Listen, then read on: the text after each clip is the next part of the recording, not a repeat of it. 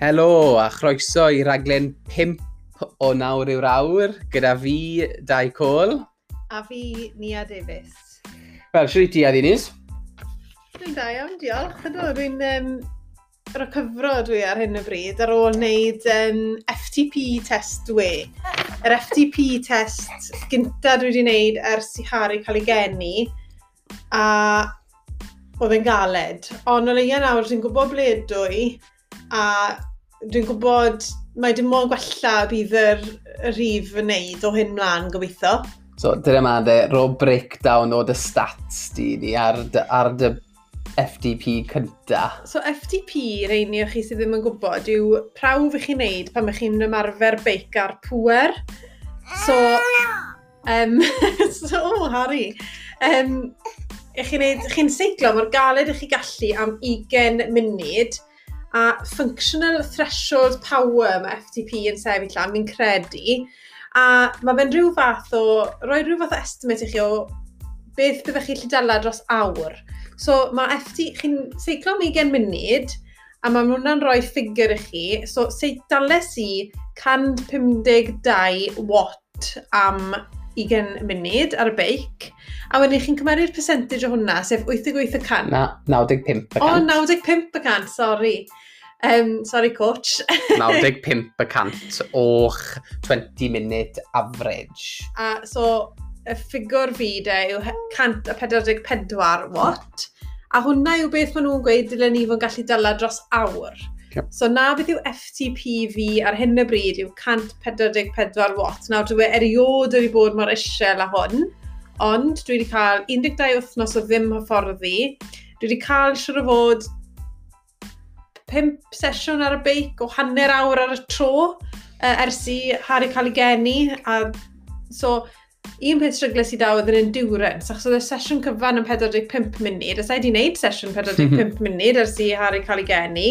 Um, ond Alea nawr yn gwybod ble fi, a so na beth byddwn ni'n neud o hyn mlaen, bydd profi'r FTP, siwr fod beth i'ch pob chwech i wyth wythnos a gobeithio gweld yn adeiladu bob tro. Fi'n meddwl bod e'n dechreuad da, dechreuad addawol. Dim ond 12 wythnos sydd wedi bod ers i Harry cael ei enni a, a biwtio gwneud FTP nawr bod byddai a byddai ni a fel hyfforddwyr yn gallu gwneud sesiynau o amgylch y ffigwr ma So yn lle geso le ni fod seiclo, allai gweud thon ni, a, wel fi moyn ti'n mas a wneud 5 munud, 5 o weithiau, at 110% o do FDP. Mm. Neu byddai mo, fi moyn ti'n wneud um, 20 minutes yn y TT position at 88% o'r FDP. So, mae fe'n rhoi mwy o strwythyr i'r ymarfer. A i reinio chi sy'n into yr er numbers a'r figures, ni'n hefyd, dim, so ni jyst yn edrych ar beth yw'r FTP, achos, chymod, gallu, mae 144 watts yn gwahanol i pob person. Mae hefyd yn dibynnu ar beth ffaint ych chi'n pwyso, So na beth ni'n licio edrych arno yw watts per kilogram. Yeah. So ar hyn o bryd dwi'n pwyso 61 kilogram sy'n meddwl bod watts per kilo fi ar yr FTP yn 2.3 watts per kilo. So, gwedwch chi nawr bod fi jyst yn colli pwysau yn y chwech wythnos nesaf, ond bod, um, bod fi still yn pwysio'r un watts, bydd y watts per kilos fi'n well, um, a sy'n meddwl bydd y wedyn yn rhwyddach i fi mynd lan rhywle. So, er enghraifft, os bydde Nia mewn chwech wythnos yn gwneud y prawf eto, a wneud 144 watt to, ond wedi gostwng y pwysau lawr i wedwn ni 58 kg. Bydd ei watts per kilo wedyn yn 2.5. So bydd hwnna'n meddwl bod er bod y FDP ddim wedi mynd lan, pan byddai mynd mas i'r hewl, byddai gallu mynd lan y rhywau yn gyflymach. Ond ideally, na beth yn gobeithio gweld, yw bod y pwysau wedi gollwng yeah. bach, a bod y Watts wedi mynd lan bach hefyd. Na'r, that's the aim of the game, efe. Ond yeah. fe'n anodd, so ti'n moyn colli gomod o bwysau, achos ti'n colli pwer, potentially. Mm. Ond, um, so ti'n moyn falle to, bod rhy drwm chwaith, so mae fe'n na beth, ma, na beth sy'n mor anodd y biti, a Ti'n meddwl, o, gollai bwysau, bydd power fi'n uh, power fi'n gwella. Na, dyw na ddim yn digwydd trwy amser. Os chi'n colli pwysau, falle bych chi'n colli'n bysl a colli pwer i'n bryd, so mae fe'n ffain, ffain a. A mae'n gweithio ffordd arall fyd. Os na i prawf to mewn chwech wythnos, a bod Watts fi lan i gwedwch 150, ond bod fi wedi roi mlaen 5 kilo, wedyn dyw watts per kilo fi ddim mynd i fod yn well. Ti'n wannach, really, wedyn? Dwi'n wannach, ie. Yeah. Mae hwnna'n, i'r un chi sy'n, chymon, yn licio edrych mewn y pethau yma mewn, mewn mynylder, de, 2.3 watts per kilo. So, Mae wedi ddiddorol, mae wedi ddiddorol, ie. Roedd e update arall i chi ar ôl i fi wneud y prawf nesaf. So, Niaz Road to... Uh... So mae seiclo fi wedi bod yn mynd yn dda othnos ma, ond so ni'n gallu gweud y peth y beth ydy'r seiclo ti, David. Na, fel a fi'n teimlo, Harry. Fel a fi'n teimlo othnos hyn. Do, bys i mas... O'n i ar recovery week oedd y drethau ar ôl Llundain, a really edrych mlaen i bwrw bwrw'n galed othnos ma, am y bloc drethau cyn um, cyn bolt yna, o'n i mas di sadwn, um, mas am tair awr ar yr hewl de.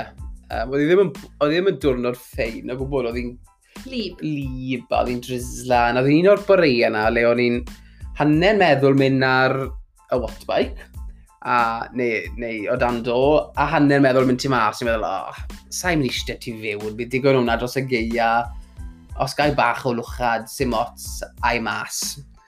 So ni wedi bod dwy awr a hanner, o'n i'n mynd lan ar, o'n i'n edrych ar y watch yn meddwl, fi moyn wneud hwn yn, yn tair awr, na beth sydd ar y plan dy fi, fi'n mynd i wneud yn tair awr. So, is i lan am Ros y Gilwen, am Capel ti Ros, rwy'n o'ch sy'n nabod yr ardal.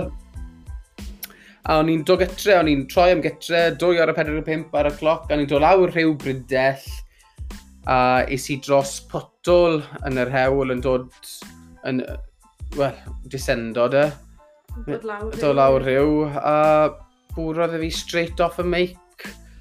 A ges i, wel, cwpl anafiadau cast e, a fi sy'n ffodus de, ond um, mae cwpl o...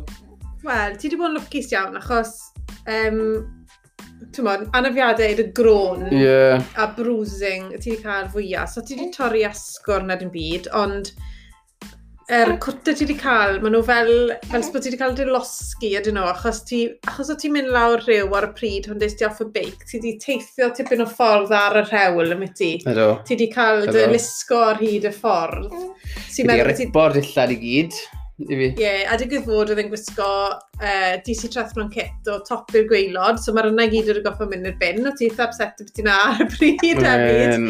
a Ond, um, fi oedd dad, ges i tipyn o sioc o fon, i bod yn onest. Uh, uh, chymod, fel partner rhywun sy'n seiclo, peth diwetha chi moyn gweld ar eich ffôn pan bod David Mas yn seiclo yw'r ffôn yn canu a enw fe ar y ffôn os chi'n gwybod bod rhywbeth yn bod.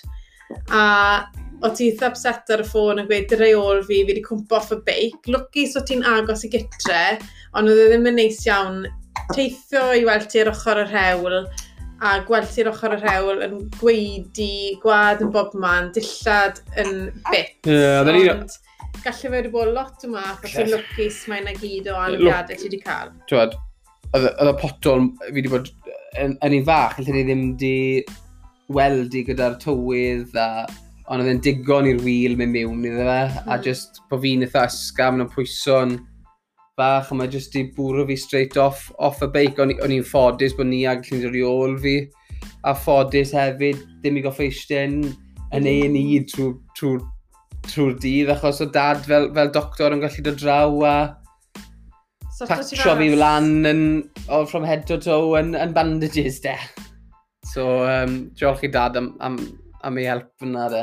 So, highs and lows, wrthnos ma. Highs and lows, ond ymlaen i'r rhaglen ma, a ti mo'n gweud beth sani i'r grondawyr ar y, ar y, ar y podlais wrthnos ma nis. Oce, okay, so wrthnos ma, i ni'n mynd i fod yn siarad y beth i'r Collins Cup. Mae'r Collins Cup yn ras fawr sy'n newydd i trethlon lenni, a'i gweud y gwir wrthoch chi, o'n i ddim yn deall yn iawn yn gwmwys siot oedd y Collins Cup yn mynd i weithio ond mae fe'n mynd i fod yn rhywbeth fawr sy'n digwydd yn triathlon, so ni wedi bod yn edrych mewn i siwt yn gwmwys mae'n mynd i fod yn gweithio, pryd mae'n digwydd, pwy sy'n rasio, a ni'n mynd i dod a bach o gaid i chi ar beth yw'r Collins Cup, a gobeithio gallwn ni gyd gwylio fe gyda'n gilydd diwedd wythnos hyn.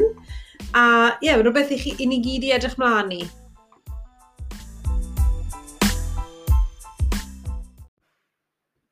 Iawn de, so siwt dechreuodd y Collins Cup neu le mae'r Collins Cup wedi dod o? Falle bod rai chi wedi sylwi, um, Llynedd creuwyd y Professional Triathletes Organisation neu'r PTO.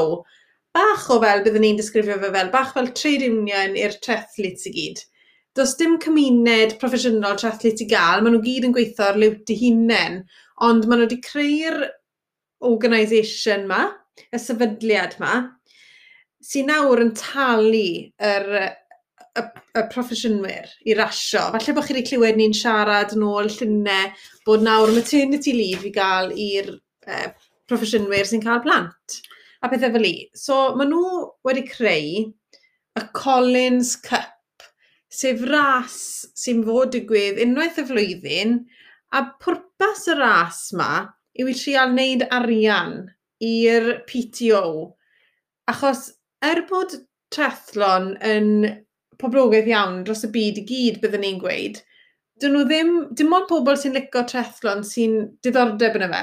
So chi byth yn gweld e ar teledu, fel falle byddech chi'n gwneud at Wimbledon, neu Ryder Cup, neu chwarae'r Olympics, o'n i gyd yn watcho'r Olympics Lenny yn watcho chwaraeon, dyn ni ddim yn deall dim byd y biti a joio fe. So maen nhw moyn trio neu rhywbeth tebyg gyda trethlon, creu ras sy'n mynd i dod â trethlon ar sgrin pawb.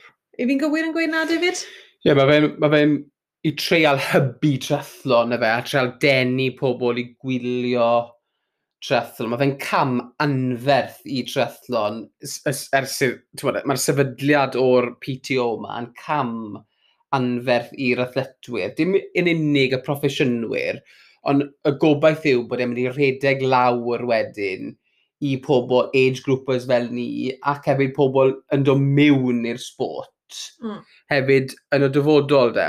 So, y Collins Cup, hwnna yw ras mowr mae'r PTO wedi drefnu de. Um, sef ras rhwng Ewrop, mm -hmm.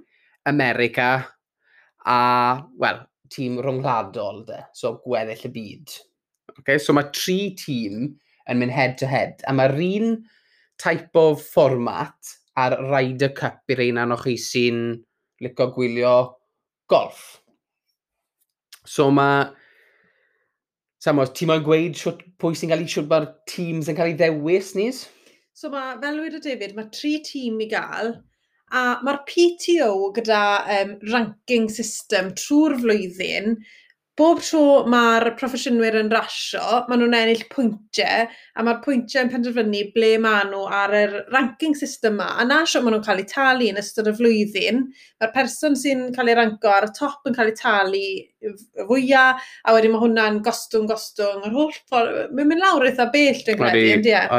So na sio maen nhw'n penderfynu'r tîmodd, yw maen nhw'n dewis pwy bynnag yw'r top pedwar o'r pob um, tîm, maen nhw'n automatically yn cael lle yn y tîm. So mae top pedwar Ewrop, y top pedwar o'r America, a top pedwar yn y tîm ryngwladol neu gweddill y byd, automatically wedi cael lle yn y tîm nhw.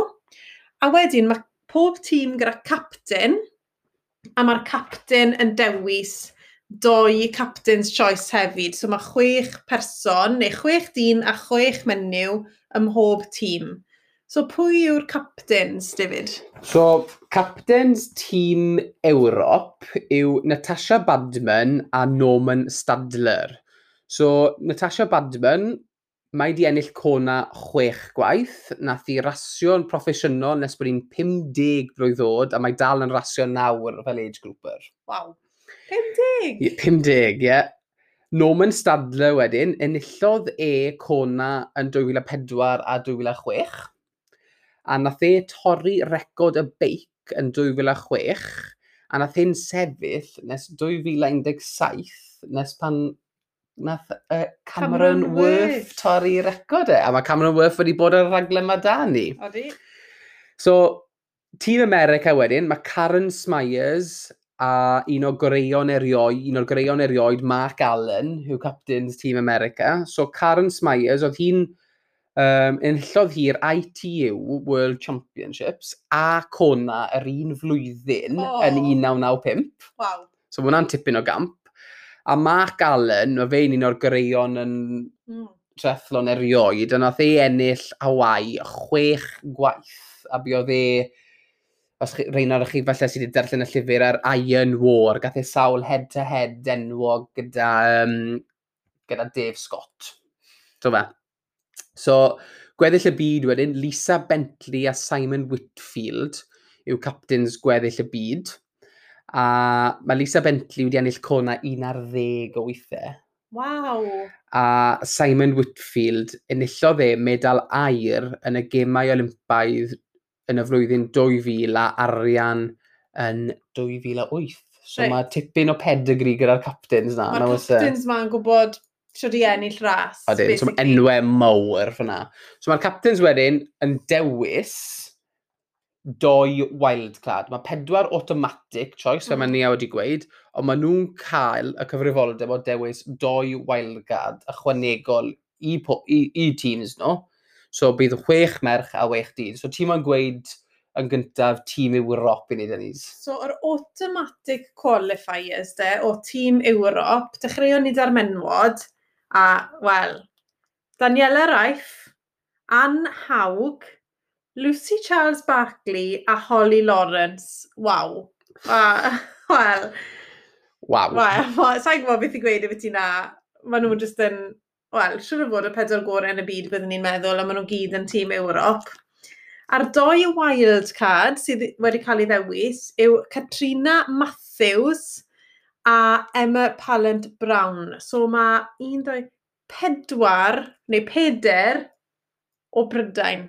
Na, a wedyn un Almeinwr anhawg a Daniela Raiffordd Swister. Ie, yeah, so chymod, mae lot wedi gweud gallai Prydain wedi cael tîm eu hunain Ond Katrina Matthews, mae hi, ni wedi siarad lot y byti hi ar y podlais, a mae'n rasio gyda Nerys Jones, mae episod gyda ni um, yn siarad o Nerys Jones yn tîm y fyddin, um, mae hefyd yn tîm BMC, a mae hi wedi bod yn ennill rhasys left, right and centre, a mae hi'n rhedwraig cryf Mae wedi dod o dim mynd man yn y flwyddyn i ddoed fatha, na dydi? Wel, dim ond Lenny, mae wedi mynd yn pro. Ie, yeah, so mae wedi gwneud anhygol o dda. Wedyn y dynion, de? Ian Frodino.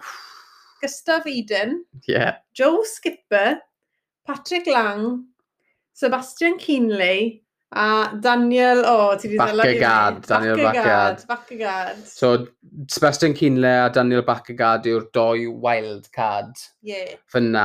Byddech chi beth yn meddwl bod, bod Sebastian Keenley yn mynd i fod yn wild card, gan bod un person mor anwybyddus a mor dda, ond ranked 19th yw e ar hyn o bryd. Mae wedi bod yn cwbl o anafiadau, so mae wedi cwmpo lawr y ranking, so mae'r wildcard mae wedi helpu fe cael ei ddewis. Pa mor grif yw tîm Ewrop fyna, i anffredino, mae pawb yn gwybod pwy yw anffredino, to wedi mm. ennill cona, gym ar Olympaidd, wedyn Gustaf Aiden, fi o'n i mas yn gweld fe, mas yn Nice yn ennill 70.3 World Champs yn 2019.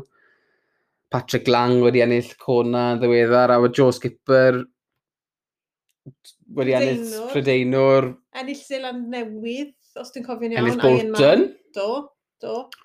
Un beth falle byddwn ni'n gweud, y byty'r tîm manis, a oes digon o efe specialist yr ein dros y pellter hir, yn well, trach na'r pellter canol. So ni wedi gweud eto, ond, wel, gen i siarad mwy am beth yeah. pellter wedyn, ond pellter canol yw y ras. Yeah. A byddai'n rhaid i fi gytuno gyda ti, David, yn wedi yn y dynion, mae'r rhain i gyd yn dynion sy'n heblaw am gystafudyn, sy'n arbenigo yn y pellter hir. Hmm. Ond cyn bod ni'n mynd ymlaen i siarad beth yw'r pellter yn fwy, tîm ryngwladol, David. Pwy sy'n y tîm ryngwladol? So, tîm ryngwladol i'r merched, menywod, mae dyn ni Teresa Adam, Paula Findley, Carrie Lester, Jenny Metzler, a wedyn y doi um, mae'r captains wedi pigo yw uh, Eli Salthaws a Sarah Crowley. A wedyn i'r dynion, Lionel Sanders, Braden Curry, Sam Appleton, Max Newman, a doi mae'r captain wedi pigo fyna yw Kyle Smith a Jackson Laundry. Dim enwau falle mor enwog a tîm Ewrop, Na. Mae Lionel Sanders yn enw anferth. Odi. A tipyn o gymeriad fyd. Deith e lot i'r parti, dwi'n siŵr. Reina chi sydd ddim yn abo Lionel Sanders, ex-addict, um, sydd nawr wedi chod, o drosi addict i cyffuriau, a mae fe nawr yn addict i triathlon, fydden ni'n gweud. Odi, mae fe'n anferth hefyd ar social media.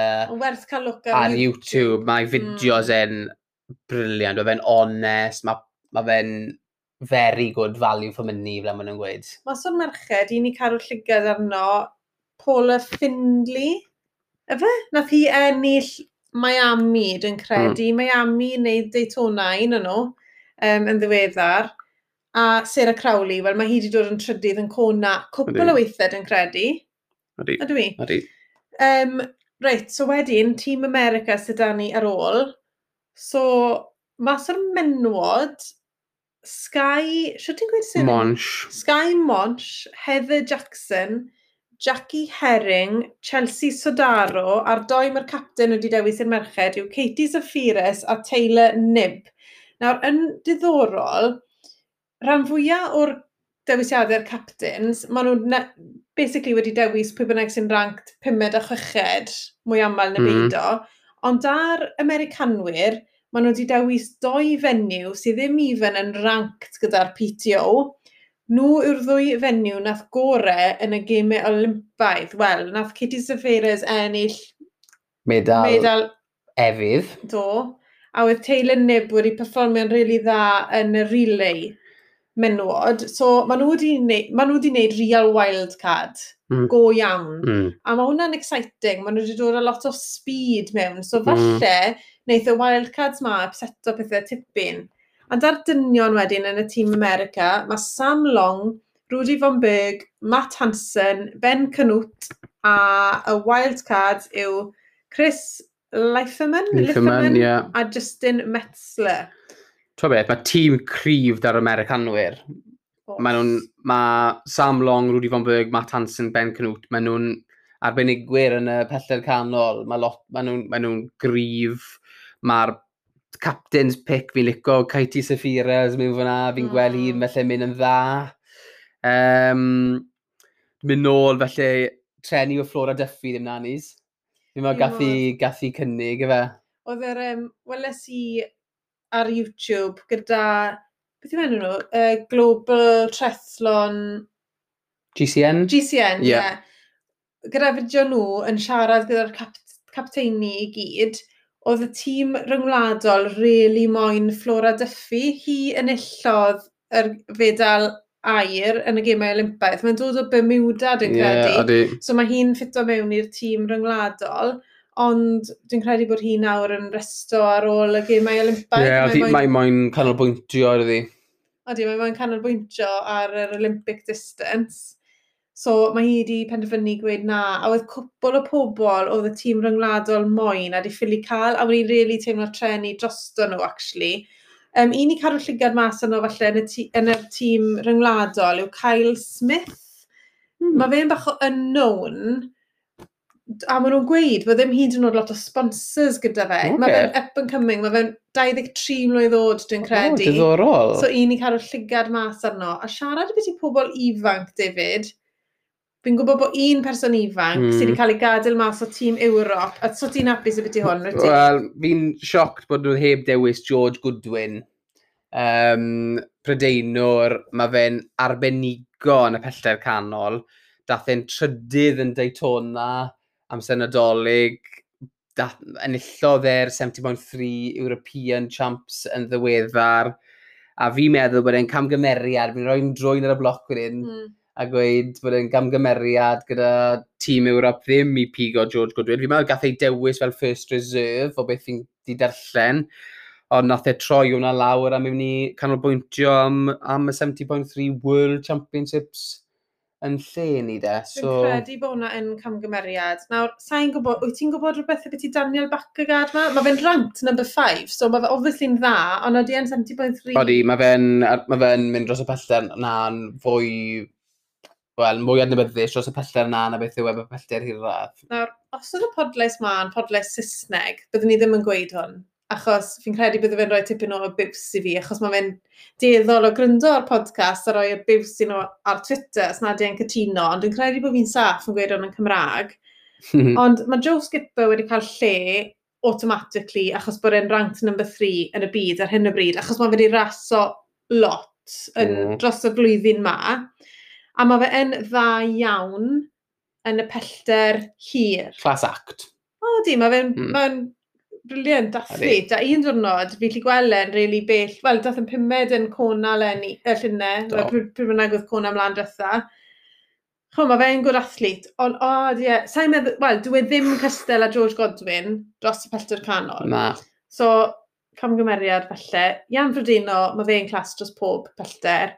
Gustav Eden, 70.3 World Champ. Patrick Lang, Odi e. Dim dros y pellter canol, so fe wedi dweud dim byd yn y pethau yna, ti'n modd? A beth ydy Sebastian Keenley? Eto, dwi heb, heb raso lot yn ddiweddar, ti'n modd? Ond mae'r ein i gyd yn enwau mawr. Maen nhw gyd yn enwau sy'n mynd i denu pobl i gwylio'r rhaglen. So yfe na beth maen nhw wedi wneud, yfe na pan maen nhw wedi dewis Sebastian Keenley, yw achos i enw e. Fi'n gytuno di.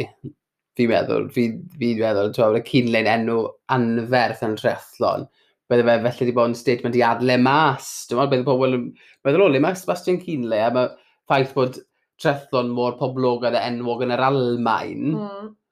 yn meddwl ti'n meddwl, bod denu lot hwnna'n falle wedi cael effaith o, o, o dewis Cynle, pwy o'r, ti'n meddwl? Mae tenu ddim fi am George Godwin, achos o'n i'n gwylio documentary ar YouTube bod y PTO wedi creu yr enw Beyond Limits, a maen nhw'n canolbwyntio tipyn ar Daytona, mm. lle dath George Godwin yn trydydd nath nhw ddim hyd yn oed dangos clip ohono fe. Ond mae... Ti'n meddwl fyna pwy sy heb cael ei ddewis? Javier Gomez. Mm. Um, uh, yn illwyr meddwl air yn yr um, Gemau Olympaidd, uh, Christian Blumenfeld. Do, na. A, a nhw'n arbenigo yn y, yn y, yn y pellter yma, ti'n modd? mae'r America wedi wneud na. Mae America wedi dewis yr er pobl lath yn dda yn y gemau mm. Olympedd. achos, wel, gweithio ni bach yn beth i'r pellter, y David. So, y pellter, maen nhw'n nofio 2 km, maen nhw'n seiclo 80 km, a rhedeg 18 km. All ti gweud hwnna i fi yn miles? So, nofio, maen nhw milltiro, 1.9k yw'r Pellter canol. Pellter canol. So maen nhw'n nofio 100 medr yn fwy, so mm. tebyg mm. iawn. Mm. So o ran beic, 80 km, 50 milltir. Reit, so bach yn fyr. 56 milltir yw'r pellter canol, so mm. mae'n 6 milltir yn, yn llai, 80 km, 50 milltir. Rhedeg wedyn, bydden nhw fel arfer yn y hanner marathon, yn yeah. y pellter canol, sef 20, 21 km. Yeah. So fan hyn maen nhw'n mynd i redeg tua 11 km, 11 milltir So, okay. eto Eto, bach yn llai. So mae'r nofio yn dir yn Bangon, a 2 yeah. km, ond mae'r beico 6 milltir yn llai, a mae'r redig tua 2 milltir yn llai. Reit, so na pam mae America wedi dewis pobl sy'n gyda bach o speed ti'n ôl Yn gwmwys, yn gwmwys. So fi'n meddwl bod yr Americanwyr, y Captains Americanwyr wedi edrych ar rhywun fel Katie Saffires, Mm. yn meddwl a good chance bod hi wedi mynd yn dda fan hyn dros y pellterodd ma. Ond dwi'n credu bod tîm Ewrop mas y merched hefyd yn mynd i fod yn grif. Adin. Oherwydd mae rhywun fel anhawg wedi dod o cefndir y pellter Olympaidd. Ie. Yeah. Mae Holly Lawrence yn specialist dros y pellter canol. Well, Lucy Charles a Daniela Mae'n specialist dros well, popeth, Lucy Charles. A Lucy Charles, ia di, specialist dros popeth. So, bydd yn diddorol i gweld sut bydd Katrina Matthews yn dymlaen, achos pellter hir rydw i wedi gweld hi'n neud fwyaf. Um, so bydd yn diddorol i weld am mm. speed na, ond dwi'n gwybod bod i wedi redeg marathons really gloi dan 3 awr, 3 awr. Um, dwi'n dwi mynd yn exciting yn barod, exciting yn siarad di o. Um, y fformat da. Ie. Yeah. So, o beth ti'n deall, David, ti'n gwybod mwy y beth i hwn na dwi, mae pob tîm mynd i cael un person ym mhob ras. Ydy hwnna'n gywir? Odi. So mae 12 beth maen nhw'n galw match i gael. Match. 12 match. Fel pil road. Wel, ie. Yeah, so mae match 1 bydde y capten yn dewis, fi'n meddwl, o noswaith cynni, bydden nhw'n gweud capten tîm Ewrop, pwy sy'n mynd y match 1. Mm. So falle bydd captains tîm Ewrop yn gweud, mae Jan Frodeno yn mynd yn match 1 i'r dynion. Okay? Iawn. So wedyn, bydd tîm, y tîm ryngwlad, captain y tîm ryngwladol a captain y tîm America yn goffo dewis pwy maen nhw'n rhoi lan yn erbyn i anffrodeno yn match un. Mm. So mae lot o tactegau yn dod mewn, oedden nhw'n mynd i roi rhywun... Oeddi y tîm ryngwladol yn mynd i gweud ni'n mynd i roi Lionel Sanders mewn yn erbyn um, i anffredino, achos ni'n meddwl allwn ni cymeryd point off bydd yn denu um, lot o gwyliau. Ewro, Ewrop. Neu oedden nhw'n mynd i dewis, o, oh, Ian Frodeno, fe yw'r gorau, falle ni'n meddwl, ni'n mynd i roi falle un o'n person gwanaf yn y tîm mewn yr ebyn Ian Frodeno, achos mynd i'n meddwl mae'r Ian Frodeno mynd i ennill y beth. Mm.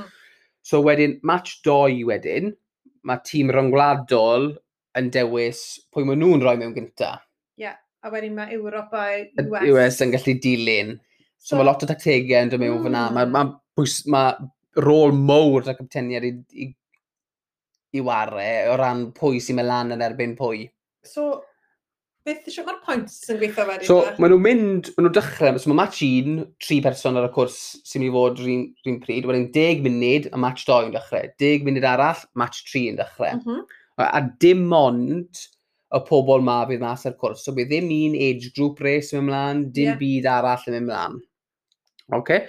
So, fel mae fe'n gweithio wedyn, pwy bynnag sy'n ennill i match nhw yn cael 3 pwynt i'r tîm. Mm -hmm. Pwy bynnag sy'n dod yn ail yn cael 2 pwynt a diwetha yn cael 1 pwynt. So tebyg iawn i'r Ryder Cup. Chi'n ennill eich gêm, chi'n cael, point, chi cael 3 pwynt, chi'n dod yn ail, 2 pwynt, trydydd 1 pwynt. Mae twist bach i hwnna fyd. Os chi'n ennill mwy na dwy funud, chi'n cael hanner pwynt bonus. So, os ydych chi'n meiddi ail lle? Ie. Yeah. Okay. Yeah. A fi'n meddwl os mae ail yn meiddi trydydd, dar un gap, a nhw'n cael hanner bonus fynd. Ah, okay. Okay? So, mae fe'n bwysig i cael lot o'r cyfarthrebu rhwng y capten, a fi a ti, fi'n meddwl, a'r pobl sy'n mas ar y cwrs, achos mm. gwedwch nawr bod ni yn y match ola, mm. a bod rhaid i tîm Ewrop cael pwyntiau bonus i ennill y cystadleuaeth cyfan a bod nhw'n en, bod, bod, nhw, bod y person, bod Ian Flodeno tîm Ewrop bod i e-, yn ennill munud a 50 eiliad a bod y boi sy'n So fe roi lan, mm. achos os mae fe'n mynd dros dwy funud, mae fe'n colli ma, mae fe'n mynd i colli hanner pwynt bonus arall, so mae rai nhw mynd nes y diwedd sy'n mynd i wneud un o'n fwy diddorol. Ti'n meddwl beth dwi'n meddwl, mae hwn mynd i fod mor gyffroes, achos dwi'n credu bydd yr capteiniad yn ffwl i roi'r person wanna lan yn erbyn Ian Frodino. Mm. Os, os bydd y ddoi tîm arall yn rhoi person wan lan yn erbyn Ian Frodino, dwi ddim yn mynd i fod yn gyffroes. Ond achos y business o points ma nawr, maen nhw'n mynd i roi Lionel Sanders, er enghraifft, lan yn erbyn Ian Frodino. Mae Lionel Sanders wedi gweud yn y raglen Willis ar YouTube bore yma bod e moyn fod lan yn mm-hmm. erbyn Ian. Mm. Mae fe'n moyn fod erbyn y gorau Ian. Mae fe moyn fod erbyn y gorau. So, achos y pwynt ma, os roedden nhw'r person wanna mewn, wedyn, so nhw hyd yn oed yn mynd i cael bonus points, ydyn nhw? Na, yn gwmwys. A pwynt arall, y pobl fel Lionel Sanders, ydy fe mynd i... Mae mae hwn, tîm yw hwn, mae fe, ond oeddi rhywun fel Lionel Sanders yn mynd i, is he gonna thrive o dan mm. hwn i mm. gyd, ti'n modd? Ti'n gweld na'n y Ryder Cup, dim, dim y pobl gorau trwmser sy'n neud fel y gorau yn y Ryder Cup. Mae pobl fel yn dwlu ar y presio na o fod mewn awyrgylch tîm. Ie, yeah. a dim jyst y ffaith bod nhw yn... Mae lot o bobl yn well y dan tîm achos nhw mae'n gadael gweddill y tîm, tîm lawr. lawr. Yeah. Ond hefyd, y ffaith bod yn one on one. Mm. Dim ond tri person sy'n y ras. Yeah. So ti'n mwyn dod las. Na, really, wyt ti. Dim o gwbl. Mae lot o fewn i o'n gwylio hwn. Mae, ti'n mwyn, mae'n o'n spectacle fawr bod e, ti'n mwyn, mae lot o'n fewn i o'n gwylio. Neb, a mae'r pwysau o ran y tîm agos, mynd i'n neud i rai o'r unigolion perfformio'n well, a mynd i'n wneud rai o'n nhw'n perfformio'n wath, falle. Un peth um, clywes i ar YouTube bore yma, o'n nhw'n gweud, yr er, rwt yn Samarin, yeah. mae fe'n flat, mm. really flat. So, does dim ots, really, od, odych chi'n person sy'n well ar, ar y dringfeidd, rhywun sy'n well ar y fflat. Wedyn nhw, mae fe fel neud ras ar y Zwift. Mm. Achos mae'r ma, ma cwrs, really, mor rhwydd. Mm. Mae fe mynd i gwastadu'r um, playing field, na beth dwi'n treol gweud, ynddo fe? Ydy. Um, so mae hwnna rhywbeth arall i, i feddwl y biti. Mae'n mae e, mynd i fod yn ras eitha teg does dim môr i nofio yno, so does dim, really, os nad yw'r tywydd yn wael, bydd yr elements rhywun peth i pob mm. un de. Mae fe'n... Um... A drach fe nath Lionel Sanders mas yn Daytona, dath e'n ail mas, mas Tr fyna. Trydydd. Uh, ail. Ail. Pasodd e Godwin. Dath Godwin yn trydydd. Do, do, do, do. A Gustaf Aiden yn llodd. Cwrs tebyg, falle. Do, a chwa be, dath um, Lionel Sanders yn 32nd second mas o'r dŵr a gath e ben a gweithio ffordd lan mm. i hmm. ail safle sy'n Gobeithio bod wedi bod yn gweithio ar un nofio ers ni fyd, ynddo fe, sy'n meddwl bydd e'n so, e'n llai o gap to. So, bydd e'n diddorol dros ben i gweld pwy bydd yn ras yn erbyn i gili siwt bydd y, y, y proffesiynwyr yn ymdopi gyda'r pwysau o'r diwrnod. Na beth bydd e'n gwdras. Jan Frodino, Gustaf, um, Ian Frodeno, Lionel Sanders a Sam Long. Long. Oh. Chos mae Sam Long a oh. Lionel Sanders yn cael tipyn o head-to-heads fyd. Oh, bydd hwnna'n uh, tan gwyllt. So, cyn bod ni'n siarad beth i ragor beth i predictions, beth maen nhw'n mynd i ennill, David? Wel, dim lot. Dim arian o gwbl. Basically, maen nhw'n mynd i ennill yr arian yn ôl y safle nhw ar y PTO rankings cyn y ras. Yeah. So hwnna'n neud lot o sens i fi. Na di, ond o'n i'n gwrando ar uh, Charles Adamo, sef y chairman o'r PTO, a hwn oedd un o'r cwestiynau gath e, wel pam maen nhw'n mynd i moyn dod i gystadlu yma. Um, a oedd e'n gweud, gwmwys fel y Ryder Cup to, dyn nhw ddim, dyw'r golffyr ddim yn cael i dalu i cystadlu yn y Ryder Cup, ond maen nhw moyn wneud fel, mae'r pasiwn o cystadlu'n tîm. Dros eich gwlad. Dros eich gwlad, dros eich, mod, a'r pwysau bod chi ddim ond gadael eich y fans lawr, mm. sy'n ni fod na'n cefnogi, a hefyd eich teammates lawr. Mm. Mynd i wneud hwn, a mae'r pasiwn sy'n dod mas yn y Ryder Cup, dim fel unrhyw gorff competition arall yn y byd. Mae y gwylwyr sy'n watch o Ryder Cup, un o'r most watch sports yn, yn y byd a dwi ddim arian. So mae'r ma arian wedi cael ei rhannu mas yn barod er mwyn cael y rankin, a nawr mae fe lan i nhw cystadlu fel tîm a rhoi popeth on the line de yn, yn Samorin. So, yn y gyd byd nhw'n ennill bydd y cwpan. Y cwpan. Y Collins Cup. Ie. Yeah. A fi'n meddwl, y pobl sy'n dod, y tîm sy'n dod yn diwetha, maen nhw'n cael bike spoke. O, dyn nhw? Fel y wooden spoon? Fel y wooden spoon. Ah, oh, oce. Okay. reit, reit de. Predictions, David. Cwestiwn hmm. gynta, pwy tîm sy'n mynd i ennill overall, ti'n meddwl? Fi'n meddwl achos mae'r tîm y merched Ewrop mor gryf. fi'n mynd i goffo mynd am tîm Ewrop. Dros y merched? Na, yn gyfan o bobl. Mae'n mynd i fod, mae dynion a merched yn gilydd. Fi'n meddwl ni odyn. O, oh, okay. Odyn, so fi'n meddwl mae'r tîm y merched, Rai Ffaw, Lucy Charles, Holly Lawrence, maen nhw mor gryf. Um, fi'n gweld tîm Ewrop yn cipio'r buddigoliaeth. Dwi'n cytuno gyda ti. Gyda, So, mae enwau mowr yn y tîm oedd eraill, ond mae pob enw yn enw mowr yn tîm Ewrop. Fi yn meddwl wneith yr Americanwyr yn dda. O, um, un peth ni di'n hoffi gweud y beth i'r Americanwyr yw, dyw Heather Jackson ddim yn rhan o'r tîm ragor. Na, pwynt da, Nis, pwynt da. Ti'n mwyn gweud pwy sydd wedi dod mewn i...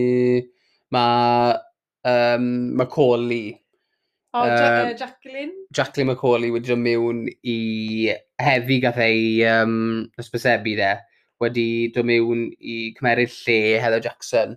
A na beth sy'n diddorol yn byddu hi yw bod hi newydd cael babi, a hwn bydd i ras gynta hi ar yeah. ôl cael babi. Pimp mis yn ôl gath hi... Uh... Pimp mis? Ie. Yeah. Wel, un peth gallai gweud iddo di, bydda i ddim yn neud pellter canol mewn doi fis o nawr. So, bydd hwnna'n um, hwnna briliant, bydde. War y teg iddi.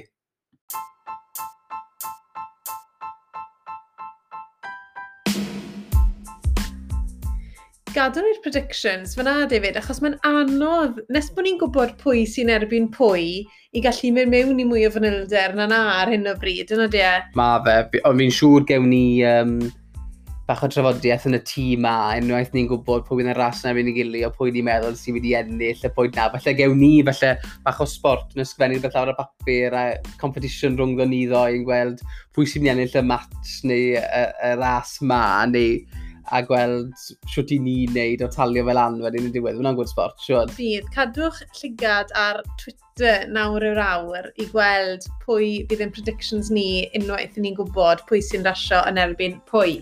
Ond reit o David, mwy pwysig nad yn byd, pryd mae hwn i gyd yn digwydd, a cofio bydd hwn yn mynd mas nawr dy llun. Ia, yeah, bydd e'n mynd mas, bydd mae ras ar dydd Sadwn, uh, 28th o mis Awst. So, di Sadwn sy'n dod. Di Sadwn sy'n dod. Ie. Yeah. Mae ras y menwod yn dechrau am un o'r gloch, mm -hmm. a'r ras dynion am tri o'r gloch. A ble i ni'n gallu wylio fe? Reina o'n chi sydd â Eurosport. Mae fe'n live ar Eurosport. Sy'n cam yn fyw ar Eurosport, sori. Mae hwnna'n cam anferth. Mm. Ac hefyd, allwch chi gwylio fe ar The Collins Cup website. So, os rydych chi Collins Cup mewn yn Google, deith yr, er, yr er website lan, allwch chi seino lan a watcho ge am, am ddim fyna. Chwa, mae hwnna'n ma angredadwy bod yn mynd i fod yn live ar Eurosport. Dyw cona ddim yn cael ei darlledu'n fyw yn Pryden. Mae fe yn cael ei darlledu'n fyw yn yr Almain, ond dim ar tledu'n Pryden. Mwy na ni fyd, dwi e ddim yn mynd i fod yn fyw, ond mae BT Sport mynd i dangos yr uchafbwyntiau hwyrach yn y nos wedyn. Waw, wel gobeithio bydd hwn mor gyffroes a ni'n gobeithio fydd e a by, gallu dde yn gyffroes iawn, so gobeithio bydd e, a gobeithio bydd hwn yn step mowr ymlaen i trethlon i'r cyhoedd cyffredinol. Fi'n edrych mlaen nawr i watcho hwn. Dwi'n rili really edrych mlaen. setlo lawr. Gobeithio byddai nôl yn ymarfer y ni. Fi'n siŵr byddai yn... O, byddai ti'n siŵr bod ti'n nôl. Ymarfer yn y bore a nôl i setlo lawr i watcho'r trefflon trwy prynawn. Ffili aros, David. Edrych mlaen. Diolch i chi gyd am rando. Gobeithio bod chi wedi mwynhau y rhaglen ma, a gobeithio byddwch chi gyd yn ymuno gyda ni yn gwylio hwn di sadwn. Ni moyn clywed wrtho chi byty'r Collins Cup. Ni moyn chi tweeto ni nôl, ni moyn chi ala negeseuon i fi a neu ni a i weld pwy chi meddwl sy'n mynd i ennill, pwy chi'n edrych mlaen i wylio. A ie, yeah, halwch neges draw ato ni. Diolch.